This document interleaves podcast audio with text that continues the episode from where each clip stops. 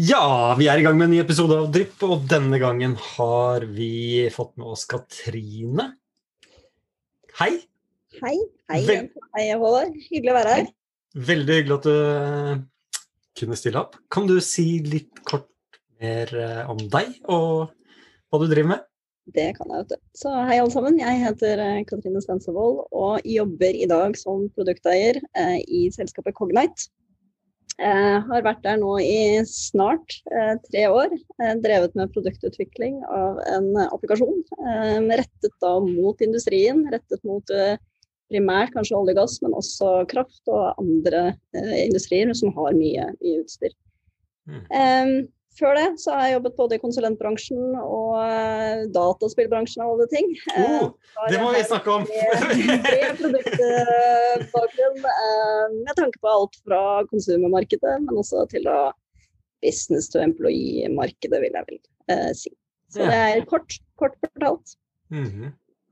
Vi snakket eh, rett før vi begynte opptaket, snakket vi litt om det her eh, produktet eh, dere lager nå. Hva er det det gjør for noe, og hvem, er det, hvem i disse bransjene er det som skal bruke det? Ja. For å ta bare ett lite steg tilbake, så kan jeg kanskje begynne med Cognite. Da. For de som ikke kjenner Cognite, så er jo Cognite et eh, globalt industrielt eh, software-selskap som, eh, som jobber da med å transformere industrier over, over hele verden. Mm.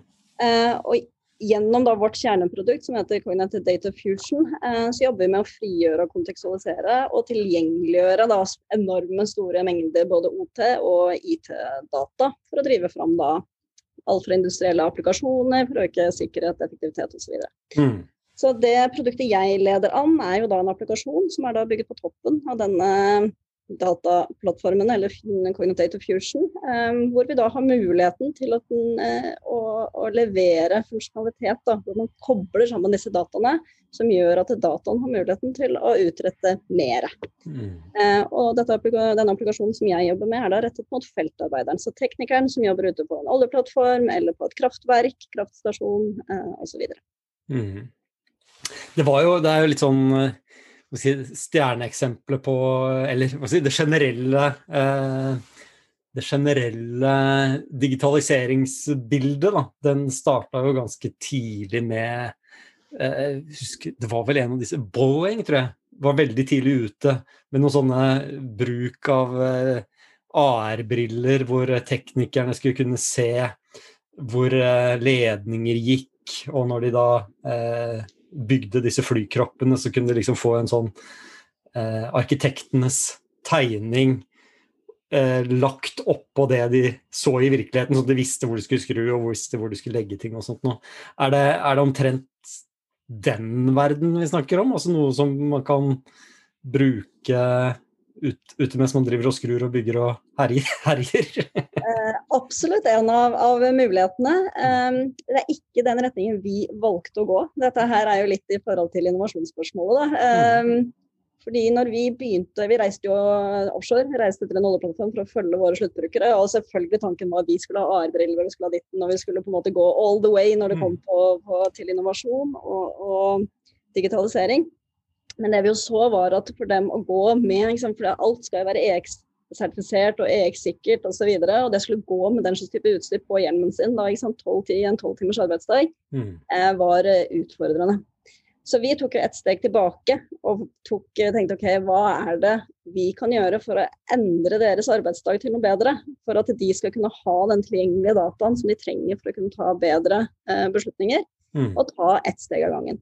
Og så ser vi at man også kommet en lang vei når det kommer til, til hardware i forhold til uh, HoloLenses og, og alt det, dette her også. At vi kommer til å komme dit, er jeg jo ikke i tvil om. Og at man kanskje vil heller komme dit at man tar det i bruk på de spesifikke type use casene eller situasjonene hvor man trenger den slags type teknologi. F.eks. med eh, type remote støtte, f.eks. Hvor du kan, kan ringe inn til en ekspert på land for eksempel, og få hjelp mens man kan visualisere nøyaktig hva man holder på, og se f.eks. overlay da, med tekniske dokumenter osv. Så, og så. Mm. så det er jo Jeg tror det er en, en, en iterativ utviklingsprosess, og vi kommer til å komme dit uh, over tid. Da, hvis jeg kan si det. For det er jo altså Det er flere aspekter her, da, men eh, det, det som er interessant med Jeg har jobbet i nord eh, før, eh, og før det igjen så jobbet jeg med masse gründere. Eh, og det er en sånn interessant ulik tilnærming da, til ny teknologi. Ta AR-brillene, eller dette med å, å blande eh, virkelighet med virtuell virkelighet. Som er eh, Det er et lovende felt, alle ser det. Men du får også det, eh, noe vi har vært inne på i tidligere episoder her, da, at eh, det blir fort et, en løsning som leter etter et problem. Mm. Istedenfor et problem som leter etter en løsning. Så, mm, men dere, du sier dere har vært mye ute på eh, på, i felt da, for å finne ut hva problemet egentlig er? veldig, veldig, mye, og mange turer til ulike, ulike installasjoner, både på land og, og ute i havet.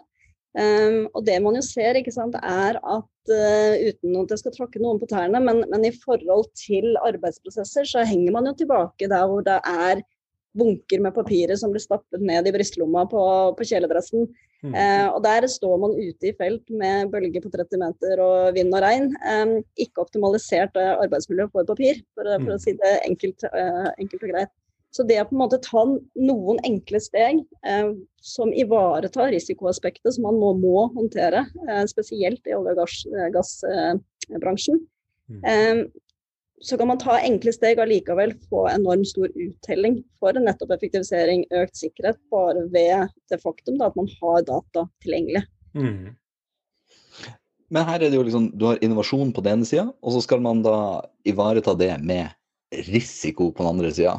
Hvordan får dere det til å henge sammen? Hvordan er de to vennene? Um, det er et ekstremt godt spørsmål, et vanskelig spørsmål. Så ærlig skal jeg jo på en måte være. Eh, og i helt innledende fase av produktutviklingen så var, gikk jo kanskje primærfokuset mot innovasjon. Det å finne ut hva, hvilke problemstillinger var det vi skulle løse, hva er det de største og viktigste painpointsene til, til våre brukere. Samtidig med hva som er, det, hva er mulig å få rullet ut. da. Og I den prosessen, når vi har da fått et produkt som er mer moden, så har man jo gjennomført ganske mange typer risikoanalyser. Man har identifisert hva er det verste som kan skje ved bruk av de ulike verktøyene. Hva skjer hvis dataen ikke er korrekt. Um, og, og, i der hvor vi er nå, med et fullstendig operasjonalisert og produktivifisert eh, produkt, så, så, så, har vi gjort mange sånne runder. Og det er noe vi tenker på helt fra vi begynner utviklingsprosessen av ny, ny funksjonalitet. Og Der man, eh, jobber man jo tett med kundene for å identifisere hva som er situasjonen for dem, hva som er kravene for dem. og Det kan også være ulikt. Man har én standard på norsk sokkel, man har en annen standard på f.eks. sokkel andre steder i, i verden. Mm. Um, så det, det, det, må man ta litt, litt, steg for steg, men at det er mulig, det er det jo ikke tvil om. Mm. Men føler du at det hemmer innovasjon på noe vis, eller er det liksom av og til kan det være en velsignelse å ha noen sånne constraints i, uh, i utviklingsfasen sin og i innovasjonsfasen. Det, hvordan ser du på det? Jeg ser ikke at det direkte hemmer, men det gjør at man må tenke litt nøyere gjennom ting før man igangsetter ting. Uh, og det er ikke nødvendigvis noe negativt, uavhengig av risk eller ikke, og ikke å hoppe på første beste tanke. Men det er klart at man, man, det er ikke like lett å rulle ut et produkt og gjøre AB-testing og kjøre på, på i, i sånn type risikofylte eh, miljøer eh, på, på, samme måte som man det man kunne gjort mot et rent konsumermarkedprodukt. Eh, hvor man kan, eh, kan, kjøre tester og brukertester og AB-testing osv. for å få kartlagt. Mm. Um, men, eh, men, Nei, jeg vil ikke si at det er en begrensning, men det er en, et rammeverk du må forholde deg til. Mm. Ja, for det er, det er, flere sider ved sånne sikkerhetsrammeverk. Én ting er liksom de sikkerhetsreglene, altså også hva som er satt at man må forholde seg til. Eh, type eh, Det kan være eh, Det kan være tekniske rammeverk, det kan være prosesser som skal ettersjekkes, roller som skal være involvert, dokumenter som skal være utfylt. Men det kan også være prosesser som skal følges. Og jeg tenker det er kanskje det siste som er mest vanskelig i forhold til innovasjon. Fordi det Hvis du har et rammeverk som beskriver hvordan sikkerheten skal ivaretas gjennom prosesser, så kan det legge føringer på hvor fort du kan iterere, f.eks. For Fordi du skal gjennom eh, en viss prosess da, som, som setter takten. Mm. jeg vet ikke om det Stemmer din erfaring? jeg, jeg, jeg er veldig, veldig enig, og jeg tror det er viktige poenger du, du, du, du tar fram her. Eh, og så samtidig så ønsker jeg å, å bare si da, at det at man har så stort høyt fokus på risiko, kan også være en enorm styrke. Fordi Mm. at det å faktisk drive med innovasjon, digitalisering, transformasjon av etablerte arbeidsprosesser, eh, så vil en del av de funksjonalitetene som du kommer med, faktisk være eh, redusere den risikoen for at uhell skal skje. Mm. Um, så man skal på en måte velge å omfavne det litt, tenker jeg, i forhold til det risikoaspektet. Og finne også de gode use casene for at leverer vi dette, så reduserer vi risikoen for faktisk den personen som tar dette i bruk. Um, og det er jo en, en kjempemulighet og et enormt handlingsrom for uh, innovasjon, tenker jeg. Jeg tenker uh, Jeg tror mye av dette har med tilnærming til det å gjøre. Så uh, for eksempel, da, når du definerer en MVP etter den her skateboard-modellen, det å ta risiko inn i det, altså selv skateboardet må ha har noen krav på seg til, til uh, sikkerhet eller, eh, eller en risikovurdering. Da. Eh, blir, ja, unnskyld, Håkon. Ja, ja, som bare- man blir veldig god på, god på det å scope ting, som at det gjør at den MFP-en faktisk er et eh, minimum viable product. Det må faktisk ha en et, et, eh, eh, ha en eller annen verdi som er så sikker. Så du kan skåpe det ned, men du må ivareta det allikevel. Og det er en god øvelse. Så det, og det gjør jo bare at den øvelsen med å skåpe ned er enda viktigere. For det, altså det gir mye merverdi å skåpe ned, fordi da har du faktisk kontroll på sikkerheten Mm. i den lille inkrementelle eh, starten. Da. Så kan det godt hende at lista for skateboardet ligger litt høyere enn Altså det første skateboardet ligger litt høyere enn ellers vi liker å ha den. men, men, eh, men, eh, men at sikkerheten er ivaretatt også i, i skateboardet. Mm. Og i neste iterasjon. hmm. Ja, men da har vi jo løst det, da! Da, da rundet vi av der, da. Var ikke det bra? Men, men jeg tenker, her er det jo de som skal ta i bruk, for for det her handler jo om, om eh, proffbrukere. Mm. Eh, og du, Katrine, du har jo, du har jo jobba med, med applikasjoner for, for folk flest, sånn som Trafikanten og, og Ruter i, i sin tid. Eh, en stor forskjell der, føler du? Proffbrukere versus eh, deg og meg? Ja, eh, absolutt. Eh, det har noe med eh, Når det kommer til konsumermarkedet, da, så, og, og hva vi på en måte bruker som hendig verktøy i vårt private liv, eh, det er egentlig til en viss grad ganske enkelt å hive seg med på. Eh, men når du har jobbet et sted, da, si 15-18-20 år, eh, du har din arbeidsprosess, du vet hvordan det fungerer, du vet akkurat hvordan ting er, og så skal du plutselig på en måte snu om på hele tankesettet om hvordan denne jobben skal, skal utføres. Um, og tar du f.eks. olje og gass igjen da, på norsk sokkel, så, så har de jo skiftrotasjoner. De er jo ikke sånn at de jobber der ute mandag til fredag 8 til 4. De er der i to uker, og så drar de hjem. Og for hver gang de reiser hjem, så er det jo en på en måte nesten som å rykke den transformasjonen, den endringsledelsen, rykke Ja. litt tilbake til start. Ja, ja. De, de får ikke den kontinuiteten over lang periode. Um, og det er jo klart at, at når det kommer til folks eh, arbeidsoppgaver, så er vi enda mer, vil jeg påstå si, rutinestyrte enn hva vi er på, på private, hvor man kan leke litt med nye løsninger og si ja, funker det for meg å kjøpe teaterbilletter på telefonen, eller gjør det ikke det? Eh, Eller er- går jeg fortsatt på PC-en for å gjøre det, eller ringer jeg fortsatt? Um, det er litt lettere å teste det ut eh, uten at det er noen sånn si, høye konsekvenser av feil bruk eller ikke sant, den slags.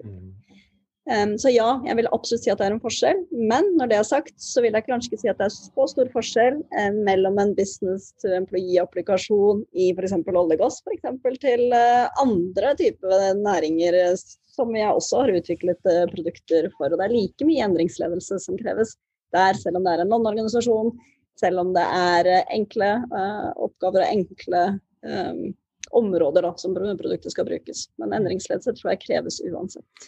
Men der, eh, der er du inne på et uh, viktig stikkord, for uh, uh, en av de tingene jeg tipper du tar med deg, nå legger jeg ord i munnen på deg, er jo å se brukeradopsjon, altså hvordan, brukeren, hvordan brukeren faktisk bruker det, hvilke behov eh, brukeren har.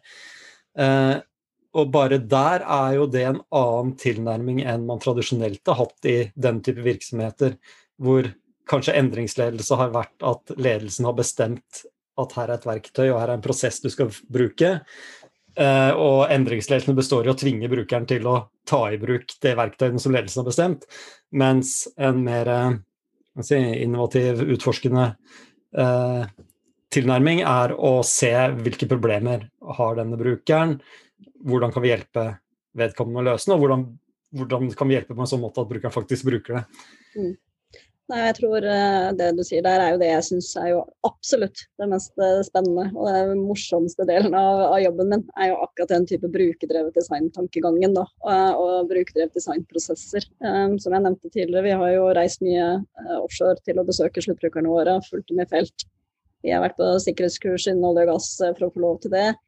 Um, men det å kunne ha et så nært forhold da, eh, mot en, en sluttbrukergruppe, eh, jeg tror jeg er kjempeviktig når du skal utvikle et day to day eller et arbeidsverktøy som skal brukes daglig. Mm. Eh, i, spesielt i, i, et risikofullt fullt, arbeid. og det, det er klart at Eh, vi har jo kjørt f.eks. demoer for våre kunder annenhver uke nå i snart tre år. Eh, hvor de som er på jobb dukker opp og, og, og deltar og kommer med tilbakemeldinger og innspill. Eh, jeg personlig svarer fortsatt på in-app-chatter fra våre brukere, for jeg har ikke lyst til å gi slipp på dette support-teamet fordi at det er så god læring i å ha den direkte kontakten med brukerne. Og jeg tror at, at det at man er så tett på, gjør det veldig mye lettere. For du vet hvilke problemstillinger som er verdt å løse, og hvilke problemstillinger som du kanskje kan la ligge. Så det gjør prioriteringsarbeidet mye, mye lettere uh, også. Mm. Mm. Så da er det liksom risiko. Det er bare å, å omfavne streng risikokontroll og styring og tilpasse MVP-ene etter det. Og så omfavne brukerne sine som en viktig del av innovasjonsprosessen. Ja. Det høres ut som kjent materie, Jens Andreas. Ja, dette er, eh, dette er eh, hverdag. også, i, også, i, andre steder. Men jeg, men jeg tror det er, eh, det er, en jobb også mot type ledelse og resten av organisasjonen da, rundt disse prosessene. Med å, å liksom si at vi tar det på alvor, og, men, men, vi gjør det på denne måten her. Så vi ivaretar hensynene du eh, trenger, og de si, de, de, ansvarsområdene du eh, passer på, men vi gjør det på denne måten fordi ting er under utvikling. Men det får bli i neste episode. Det får det bli. Takk for nå. Ha det bra.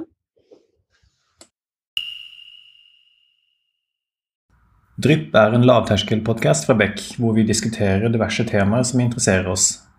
Og Hvis du har et tema som du har lyst til at vi skal snakke om, eller du vil være med på en innspilling, ta kontakt på drypp.beck.no.